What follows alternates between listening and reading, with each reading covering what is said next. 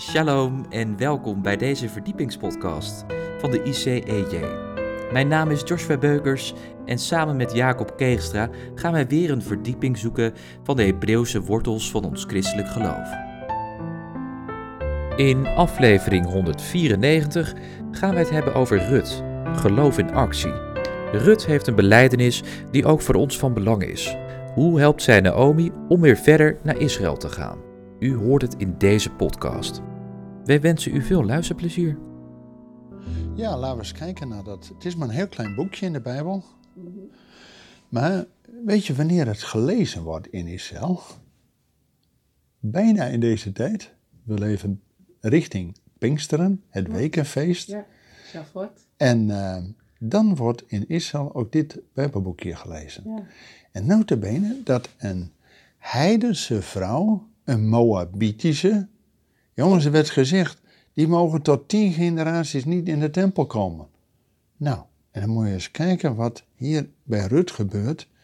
Die trouwt op een gegeven moment zelfs met Boas. En is dus een van de, in de nou, geslachtslijn, in de stamboom van Jezus. En van koning David. Ja. Dus je hoort er helemaal bij.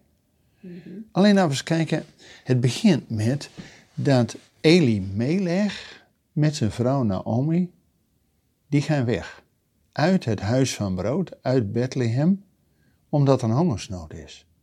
Nou, dan moet dat best zwaar geweest zijn. Want als je dan uit het huis van brood, Bethlehem, vertrekt. En, en, moet je nagaan. Die man, zijn naam heet Elimelech. Mijn God is koning. Nou, en hij vertrekt naar Moab met zijn vrouw en zijn twee kinderen.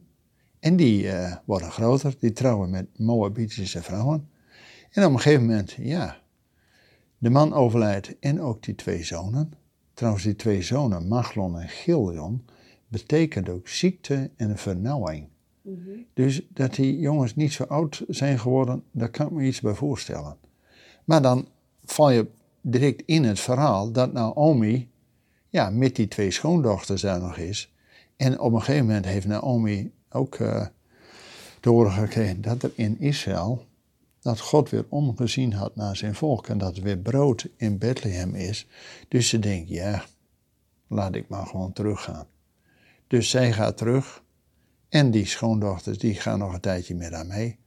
Maar ze zegt, nou blijf maar gewoon weer in Moab. Maar Orpa, haar naam betekent ook de wereld, die gaat ook weer terug naar haar goden en Moab, de wereld in. Maar Rut is degene die zegt, nee, ik ga met jou mee. En dan, dan zo bijzonder, haar beleidenis is niet wat wij vaak denken. Uw God is mijn God en uw volk is mijn volk. Dat, dat hoor je christen ook nog wel eens zeggen. Hè? We willen de God van Israël wel, maar dat volk, nou ja, dat komt daarna. Nee, Rut heeft de beleidenis, uw volk is mijn volk. En uw God is mijn God. Kijk, dat is nou precies ook waar Jezus, Yeshua later, op hamert. Hij zegt, als je een offer wil brengen bij de Heer, en onderweg naar het altaar toe herinner je dat jouw naaste iets tegen jou heeft. Zegt Jezus, stop dan even. Laat dat offer daar liggen. Ga heen, verzoen je met je broeder en kom dan om te offeren. Met andere woorden, de horizontale relatie is voorwaarde voor de geestelijke.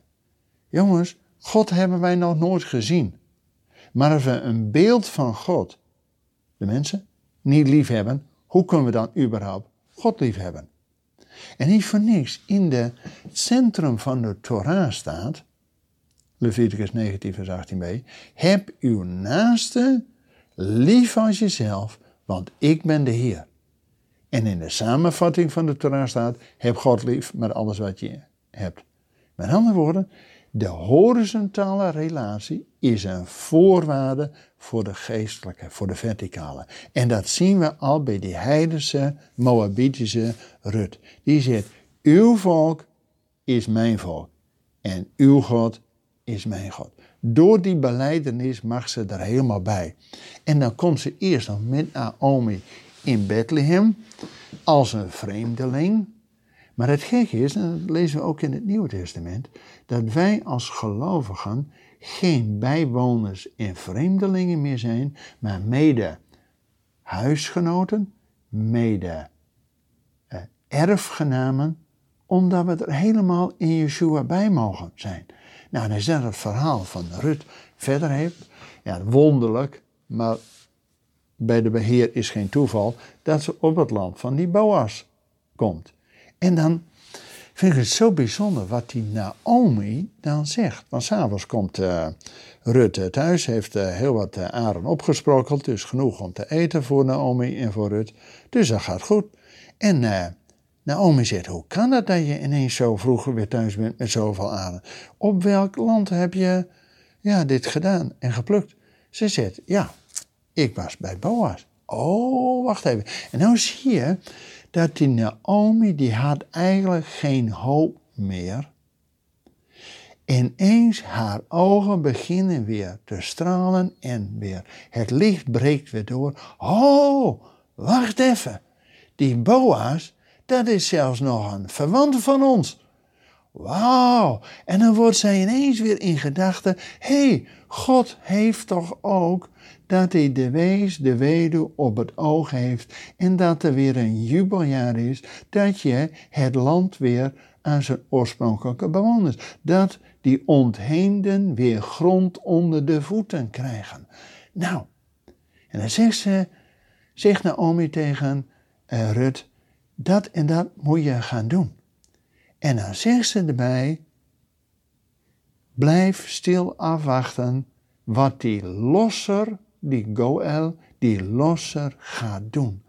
En ah, dat vind ik nou zo'n geweldig verhaal. Hè? Als je dat niet alleen in die situatie ziet, maar als je dat lijn ook doortrekt naar Yeshua, onze losser en verlosser. Jongens, wij lopen de Heer ook wel eens voor de voeten. Maar wij mogen gewoon achter hem aangaan en wat hij gaat doen, dat wij in zijn voetspoor volgen. Weet je, mijn naam is Jacob. En ik heb van die eerste Jacob geleerd, zijn naam betekent hij die de hiel vasthoudt. Ja, hij was eerst degene die de hiel van Esau, de wereld, vasthoudt. Maar als de Jacob wederom geboren wordt en de naam Israël krijgt, dan is hij degene die de hiel van de Messias vasthoudt en in zijn voetspoor volgt. Wauw. Jongens, wij mogen als gelovigen uit de volkeren, die Yeshua, die losser en die verlosser, zien wat hij doet. En in zijn volbrachte werk mogen wij verder gaan. Nou, en op een gegeven moment die Boas, die huwt zelfs Rut. Jongens, en uit dat huwelijk komt uiteindelijk de koning David naar voren. En in zijn voetspoor uiteindelijk natuurlijk ook die zoon van David. Dus wij horen daar helemaal bij, doordat die Moabitische, die heidense, die eerst vreemdeling en bijwoner was, door haar beleidenis, uw volk is mijn volk en uw God is mijn God, hoort ze er helemaal bij. Is er geen bijwoner meer, geen vreemdeling, maar is er mede erfgenaam, mede huisgenoot en hoort er helemaal bij. Wauw, zo'n verhaal, die wil je toch met Pinksteren, het geboorte van de kerk, wil je toch lezen, dat wij ook als vreemdelingen in die beleidenis ook Gods geest mogen ontvangen. Wauw. En wat is jouw verhaal? Ja, nou dan um, de, de, de andere hoofdrolspeler, Naomi, mhm. die zegt heel duidelijk tegen Rut van... Uh, blijf stil afwachten wat die losser gaat doen, die Boas. Mhm. En um, uh, voordat ik mijn vrouw leerde kennen, zij heeft tien jaar in Israël gewerkt voor uh, de christelijke ambassade. En uh, ja, als je als twintigjarige naar Israël gaat en ondertussen 30 bent, zeker als vrouw, dan is ook de vraag: wil je nog uh, trouwen? Wil je nog uh, kinderen krijgen? Voor haar was ook duidelijk een gebed van: Heer, moet ik terug naar Nederland om iemand te vinden? Nou ja, daarover de, aan het mijmeren, aan het bidden. En ze zat op een gegeven moment op haar balkon en de Bijbel te lezen. En op een gegeven moment, de wind die maakt wat werk van de Bijbel en verschillende blaadjes uh, gaan de andere kant op. En op een gegeven moment lag ze dat verhaal van uit het Bijbelboek Rut, dat Naomi zegt, Blijf stil afwachten, mijn dochter. Wacht wat die losse gaat doen. Nou, toen heeft ze dat ook gewoon bij de Heer gebracht. En van Rempel. Ja, het is niet allemaal direct de volgende dag, hè. Er gaat soms weer wat tijd overheen. Ja. Toen uh, Henny en ik elkaar hebben leren kennen. En uh, op een gegeven moment toen vroeg ze, ja, moet ik je ophalen van uh, de airport? want ik ging vanuit Nederland naar haar toe. Nee, ik zeg, blijf rustig wachten, ik kom naar jou toe. En toen woonden ze in Jeruzalem, in een orthodoxe wijk. En aan het begin van die wijk was een, um, de Jacobsladder. Nou, een orthodoxe wijk, daar kom je op Shabbat niet in. Dus er was een afrastering. dus ik werd uh, afgezet bij uh, nou, het begin van die wijk. Bij de Jacobsladder. Dus uh, ik moest werkelijk opklimmen naar. En ik kwam bij haar. Ik zeg, nee, ik kom naar jou toe. Nou, en later kom je dan erachter van, ja, maar dat is ook precies wat ik gebeden had. Blijf stil afwachten totdat je ook ziet wat er gebeurt. Ja, God kan mensen op wonderlijke wijze, zelfs in Jeruzalem, bij elkaar brengen. Oh, ja. En uh, nou ja, dat is een persoonlijke noot. Dus het Bijbelboek Rut, dat spreekt ons zeer, uh, nou, niet alleen tot de verbeelding, maar er is ook een onderdeel van nee, wat je hebt, wat je zei. Wacht wat de Heer doet. Zie Ja. wat Gods handen er is. Zij had, nou, Heer, moet ik terug naar Nederland om een man te vinden? Nee, was duidelijk Gods antwoord. Wacht maar af wat er komt. En ik kwam letterlijk bij haar op een stoep. Zonder dat ik dit verhaal van tevoren wist. Hè, dat wist ik eh, van tevoren niet. Daar kwam je pas later dat je erover praat. Denk je, oh, zo leidt de Heer dat. Nou, Bijzonder. ik vind dat gewoon bijzonder. Dus zo'n Bijbelboek Rut spreekt ons wel aan, ja. Ja, zeker. Ja. Ja, en dat die zelfs ook, dat zij dus ook eh, in de geslachtslijn van, van Jezus, van Yeshua, helemaal eh, meekomt. Hè? Ja. Dat eh een Rahab uit Jericho, een Rut uit eh, Moab, en noem maar op. Ja. We zijn op een of andere manier welkom bij de Heer, als we willen buigen en zijn volk willen dienen. Want dat was natuurlijk de voorwaarde, de beleidenis van Rut. Uw volk is mijn volk en uw God is mijn God. Nou, dat is ook precies wat God al tegen Abraham zegt. Wie u zegent, zal gezegend worden. En als wij door het geloven in Jezus kinderen van Abraham zijn, dan zijn wij ook niet meer vreemdelingen en bijwoners, maar zijn we medeburgers, mede-huisgenoten, mede-erfgenamen. Nou, maar dat betekent wel dat we ons geloof niet meer in die Wodan en Donaan en Vrijaman hebben, maar in die God van Jezus, in die God van Abraham, Isaac en Jacob. Dat is de voorwaarde. Maar dan ligt ook de hele Bijbel en alle zegen voor je open. Nou, kijk, zodra je ook letterlijk doet wat God zegt, dan kan God ook letterlijk jouw dingen openbaren. Want vaak in het christendom zijn het algemene abstracte dingen. Dan we Ja. moeten dit en, en heel algemeen. Maar wij, mijn vrouw en ik bidden de laatste tijd, en zeker sinds corona, dat we per dag doen mogen wat God voor ons heeft. En dat kan soms gewoon als je tussen de middag een wandeling in het park hebt, dat je iemand een bemoediging mag geven. Dat je duidelijk afgestemd bent, oké, deze ontmoeting is niet zomaar iets dat wij dat toevallig regelen. Nee, daar heeft God ook een bedoeling mee. En dan kan God veel letterlijker ook tot jou spreken, wat jij weer mag doorgeven. Maar is het alleen een algemeen iets, ja, ik geloof in de Heer en Hij leidt mij, ja, dat is vrij algemeen. God wil jou veel persoonlijker, maar dat betekent ook dat je ook zijn woord letterlijker moet nemen.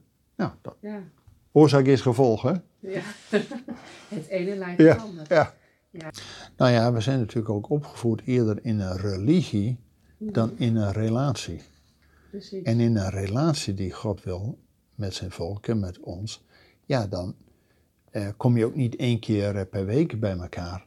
Nee, je wil dagelijks gevoed worden met wat ja. er gezegd wordt. Dus het is niet dat je maar één keer in de week een samenkomst hebt, dat je dan een woord van de Heer hebt. Nee, je wil dagelijks geleid worden.